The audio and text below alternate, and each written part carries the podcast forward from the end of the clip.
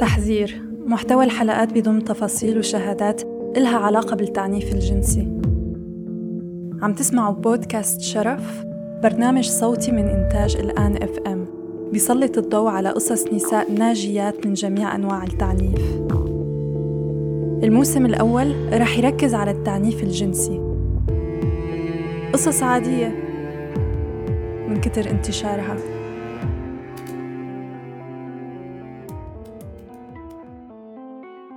إذا قلت لكم إنه سفاح القربة أمر لا يعاقب ب 22 دولة عبر العالم ولا يعتبر قانونيا نوع من أنواع التعنيف الجنسي. سهل جدا نتخيل المعتدي أو المتحرش شخص غامض من غير هوية غريب أو قطاع طرق. بالواقع الصورة الحقيقية مختلفة تماما. ممكن المعتدي يكون شخص محبوب شخص معروف وقريب من ضحيته. ممكن حتى يجلس حول نفس الطاولة لسنين وسنين وسنين من غير ما حدا يشك فيه ومن غير ما يحس حاله بخطر. بالاعتقاد الشائع معتدي الأطفال شخص عاجز أو مريض أو ضعيف وكتير من الصفات المخففة. استغلال الأطفال المقربين مش مبني على الإحباط أو العجز الجنسي. والدليل كتير من المعتدين عايشين حياة زوجية أو عندهم علاقات. هو مبني فقط على علاقة قوة وسيطرة لأنه جسم الطفل لا يعتبر جسم مقدس بل ملكية خاصة. وتحديدا لما يكون الطفل من المقربين. على فكرة بيبدأ الموضوع على بكير لما بينجبر الطفل يسلم على الأقارب بقبلة أو عناق ولو عبر بشكل واضح عن رفضه. سلم على عمه أو جده عيب ما بيصير. الرسالة واضحة الطفل ما إله الحق يختار حدوده الجسدية ومساحته الخاصة. مريم امرأة من أصول مصرية وفلسطينية بأواخر الثلاثينات. قصتها عادية ويمكن كتير منكم سامعين شي قريب منها. يعني عايزة أحكي لك من البداية. أنا دلوقتي متجوزة وعندي ولد بس جوزي ما بيقربش عليا. هو مش هي دي القصة. بس هي متعلقة بالقصة أنا وأهلي سافرنا لبلد تاني وتعرفت على جوزي و... وأنا دلوقتي أعترف ما قلتلهوش كل حاجة عني. أنا مش مجرمة ولا عاملة حاجة سيئة لا سمح الله. أنا بنت عيلة محافظة. ويعني بقولك محافظة ليه؟ علشان يعني أوكي هي عيلة متدينة هي عيلة عندها عاداتها وتقاليدها بس هي محافظة يعني هي أكتر محافظة. يعني في مواضيع كتير ما نقدرش نتكلم فيها أبدا في حياتنا وإحنا صغار وحتى وإحنا في المدرسة ولا في الجامعة. وتأخرنا كتير أنا بتكلم عن نفسي كبنت تأخرت كتير علشان أفهم حاجات كتير في الحياة. لا أهلي ولا بمحيطي ولا خالاتي ولا أمي ولا تيتا ولا حد كان بيقول لي أي حاجة عن إني هيحصل معايا إيه يوم ما هكبر؟ فبنت صغيرة وبتقعد بالمدرسة مع أصحابها وكل يوم بتسمع حاجة جديدة و... ولا حد ولا حد من أهلها فكر إنه هي هتتعرض للمجتمع الخارجي وهتعرف الحاجات اللي هم مخبينها عليها.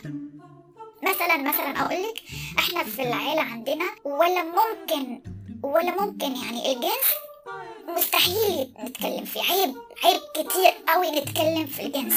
كبرت وصرت في المدرسة ودخلت مرحلة إعدادي ولسه الحاجات دي برضو عيب. حاجات كتيرة والله مش عارفة أبدأ منين. أنا أنا, أنا عايزة أخ... أخ... عايزة أعرفك بتفاصيل عن حياتي علشان لما أقولك القصة تفهمي بالضبط لأني حاسة أن القصة تافهة. كل الناس في ناس تعرضت لقصص أصعب من قصتي بس القصة دي لحد دلوقتي هي واقفة قدامي زي الحيط مسكرة عليا كل حاجة في حياتي.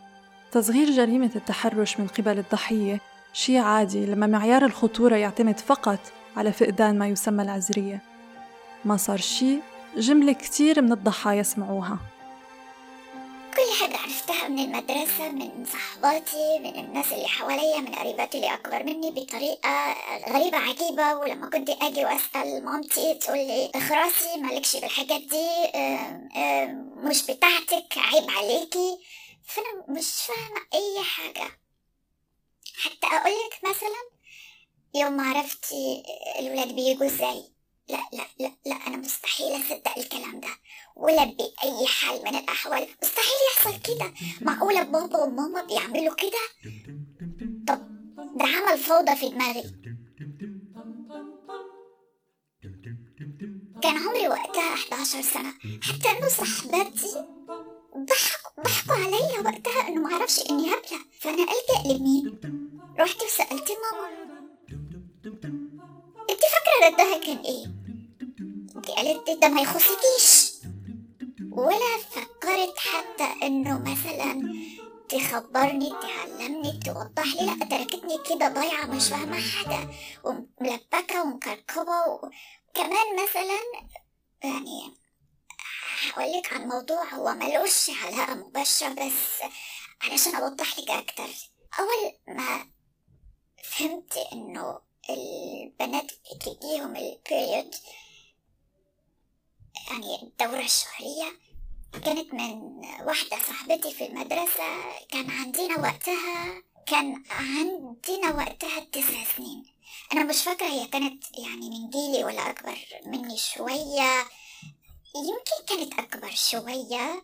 المهم أنا كنت في وقت يعني أوكي يعني طبيعي دلوقتي أنا بفهم إنه أنا كنت مستعدة أبلغ بس أنا مش عارفة ولا حد مخبرني أي حاجة.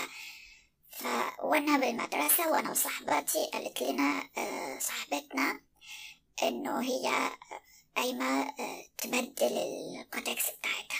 ولا أنا فاهمة ولا أيتها حاجة ولا عارفة إيه يعني Kotex ولا هي ضحكوا البنات ليه ولا هي كانت خجلانة وهي بتقولها. رحت سألها أنا إيه يعني؟ أنت متخيلة التنمر اللي حصل من صحباتي وقتها عليا؟ ولما قالوا لي إيه يعني؟ يعني وقتها قلت لهم لا ده مستحيل ده أكيد مرض. يعني لو كان في كده كان أقلها أنا أعرف من مامتي. يعني أكيد كانت مامتي ولا أختي. بيحصل لهم كده وأنا أكيد كنت هعرف. لا ده مرض لازم تروحي الدكتور.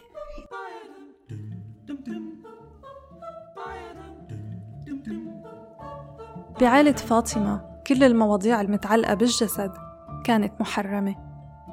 طبعا ممكن نوافق أو نعارض مبدأ تربية الصحة الجنسية للأطفال والمراهقين. بالمقابل ممكن نسأل حالنا كيف متوقع من طفل بحياته مش سامع عن هالمواضيع إنه يحمي حاله أو على الأقل يستنجد بأهله لما يكون بالأساس مش فاهم اللي عم يحصل معه.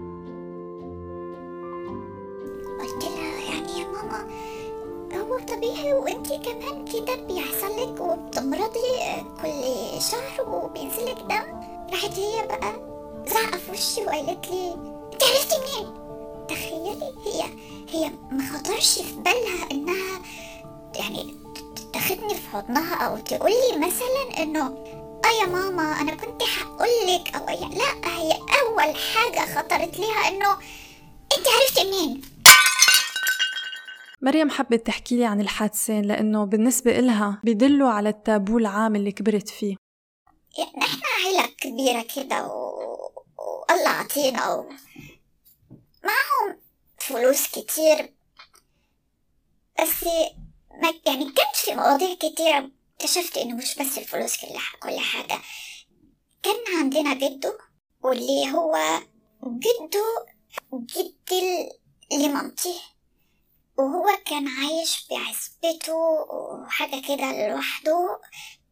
آه النانا بتاعتنا أو جدتي زي ما بتقولوا آه كانت متوفية من من زمان وهو يعني أعزب زي ما بيقولوا مش عارفة. آه ويلا عطيه وإحنا أحفاد كتير بنزوره كل فترة وكده.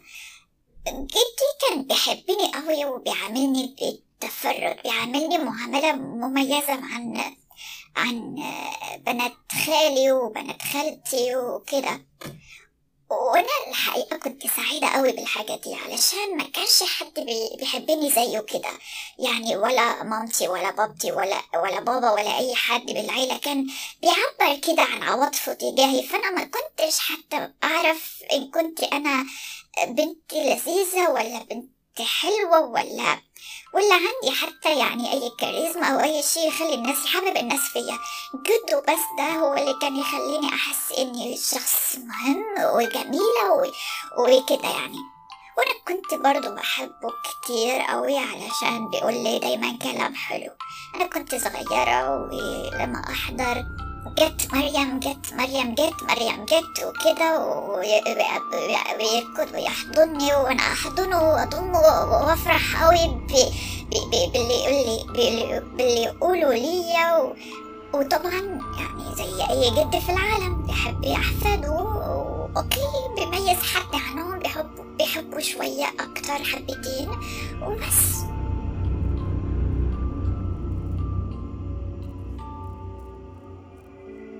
جده كبر و... وبقى بالسرير. كان مريض و يعني خلاص مش كويس يعني بحاجة محتاج حد يساعده حد يقومه حد يقعده حد يجيب له حاجته. وأنا برضه كنت كتير حزينة على اللي بيحصل ورحت اخد نفسي ورايحة أزوره وأقعد جنبه وطبطب عليه وأحاول البي له خدمات وأقول له عايز إيه يا جدو؟ محتاج حاجة يا جدو؟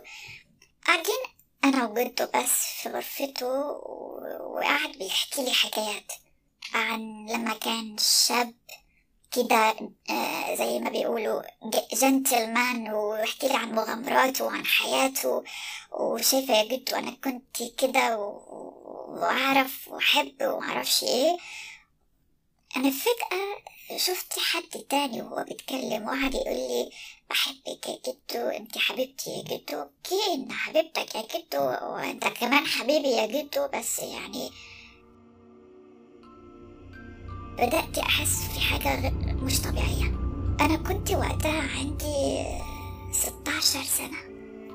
تخيلي تخيلي عندي ستاشر سنة. يعني معرفش لو كان كنت بقدر أقول إنه هي من الفترات الأصعب على الحياة البنت. يعني هي لا هي لا هي كبيرة ولا هي صغيرة و... وتخيلي بمجتمع زي مجتمعي. لا أمي بتعرفني بحاجات بتتغير وبتحصل ولا ولا ولا حتى إخواتي ولا حتى أي حد وأنا بعرف من صحباتي وبعرف حاجات غريبة وبستغرب كل حاجة. وعايزة أقول لك ما كانش عندي حتى الوقت ده أي علاقة عاطفية حتى يعني بس كنت كده مثلا معجبة بواحد عندنا بالبلد ومن بعيد لبعيد علشان كان كله حرام يعني أنا مش هقدر يعني أنا يعني الله ممكن يحاسبني على الحاجات دي. جده باليوم ده وهو قاعد بيحكي لي عن شبابه وكده وهو مريض وهو مريض يعني قام وقرب ليا وحاول وقتها ينزل لي البنطلون بتاعي. ونزل كده تحت وقعد يبوسني من رجليا وطلع شوية وكده يعني نح يعني ركبي فوق ركبي شوية وهي مستصعبة. أقول يعني أنا خجلانة من الكلام ده. كيف طفلة ممكن تلجأ لأهلها لما من الصغر كل المواضيع المتعلقة بجسدها محرمة ومرفوضة؟ أنا كنت كومبليتلي مصدومة. مش فاهمة إيه اللي بيحصل.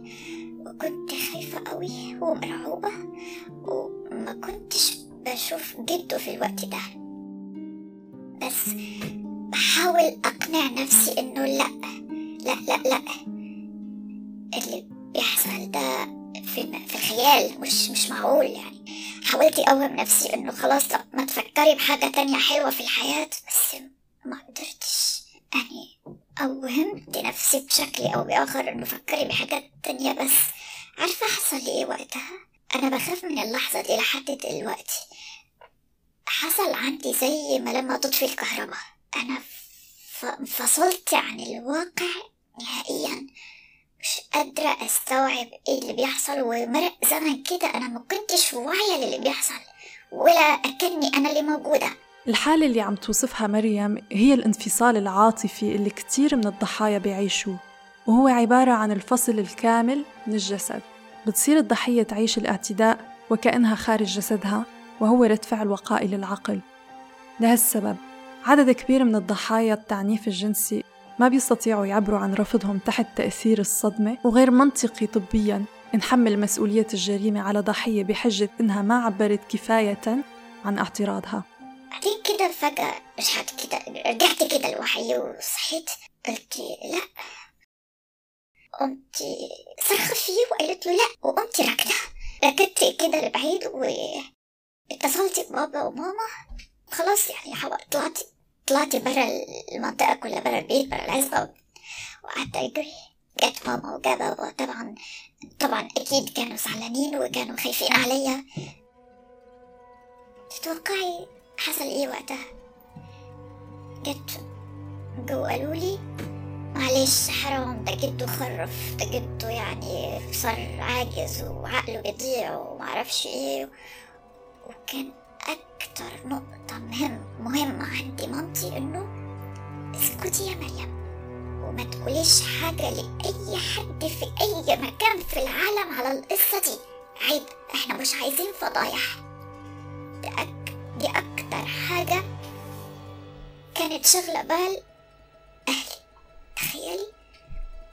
يعني مش عارفة إذا هم فكروا في لحظتها أنا حصل لي إيه. أنا تبعت الحاجات اللي جرت معايا أنت متخيلة جدك؟ جدك الكبير يعمل معاكي كده؟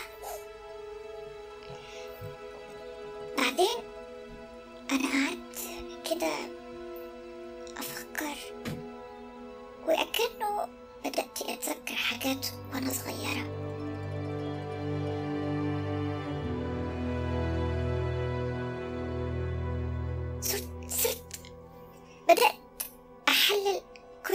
كانت بتجري بحياة جدي. يعني مش قادرة الحقيقة أقرر ولا حتى أفهم ولا حتى أحلل اللي حصل لكن افتكرت وقت كنت صغيرة أوي يعني كان عندي خمس سنين وكده. كنت لما نزوره لجدي أو يزورنا يركض ويحشني ويحضني ويقعدني في حضنه. بس كان يحط إيده في منطقة غلط. وأنا كان عندي خمس سنين أنا ما كنتش فاهمة الموضوع إذا كان ده عيب ولا لأ ولا بيحصل مع كل الأولاد عادي وده جده يعني ده جده عادي يعني. بس كنت بشعر إنه أنا مش مرتاحة مع الحاجات دي. تخيلي في العمر الصغير ده وأنا عندي بتاع خمس ست سنين جيت ويعني قلت لمامتي إنه أنا مش مرتاحة. ماما ده جده كل ما يقعدني في حضنه بيح بي بي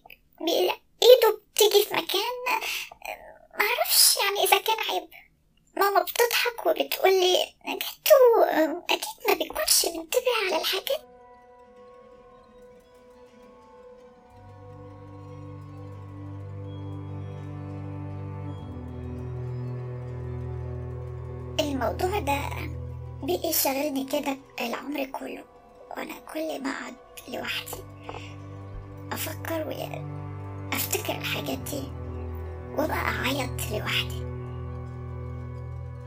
بطرق غير مباشرة. حاولت مع بنات خالي وبنات خالتي ونقعد سوا وكده ونتكلم. وبعد يعني ما اتجوزنا وصارت الأمور أسهل. يعني خلاص عرفنا إنه الجنس بقى ده مش حرام حتى بعد الجواز وكده. فكنت بسألهم أحيانا إنه هل تعرضوا لحالات في طفولتهم في حياتهم؟ هل حد بيعرفوه قرب منهم بطريقة ما ما كانتش مريحة كانت سيئة برضك. هل حد من أخوالهم من عمامهم من جدهم أي حد يعني مسكهم بطريقة غلط عمل معاهم حاجة غلط فكانوا يقولوا لي كلهم لأ. فأنا يعني زاد عندي شك أكتر بس مش عارفة لحد دلوقتي هل الغلط فيا أنا أو جده؟ ليه جد جدي كان ليه جدي كان بيتعامل معايا أنا بس كده. انت ف... انت متخيلة إزاي يعني في بيئة كاملة كلها بتقولك كل الوقت حرام وعيب وما يصحش وما يصحش نعمل كده و... واللي بيعملوا كده عيب ودول ناس سيئين ومعرفش إيه. وفجأة انت تلاقي نفسك في بيت مع راجل مش عارفاه قبل. هم اختاروهولك وده جوزك. عايز يعمل معاك حاجات؟ عيب. هما كانوا يقولوا عنها عيب. أنا ما حدش عمل معايا الحاجات دي ولو بشكل بسيط غير كده. يعني أنا ما عنديش صور في في الذاكرة بتاعتي غير الصورة المشوهة البشعة دي. فيوم ما اتجوزت أنا كنت هتجنن. مش فاهمة أنا أنا إزاي يعني كده؟ لازم أعمل وصار واختلف الأمر وبطل عيب وصار واجب وصار حلال وصارت كل الحاجات دي ومحدش خبرني. يعني أنا آه صحيح أنا عندي ولد دلوقتي بس يعني أكنه كان اغتصاب علشان أنا جبت الولد ده. حاولت أفتح الموضوع تاني مع ماما و... وسألتها على الحادثة دي وقلت لها يعني معقولة انت كده مرقت عليكي كده ولا أثرت فيكي ولا حاجة فهي قالت لي إنه خلاص مش مش نفتح الموضوع ده تاني آه دي كانت حالة عبرة وجدك كان بيخرف وما تحملي ربك ما حصلش اغتصاب شو معنى الشرف بالنسبة لمريم؟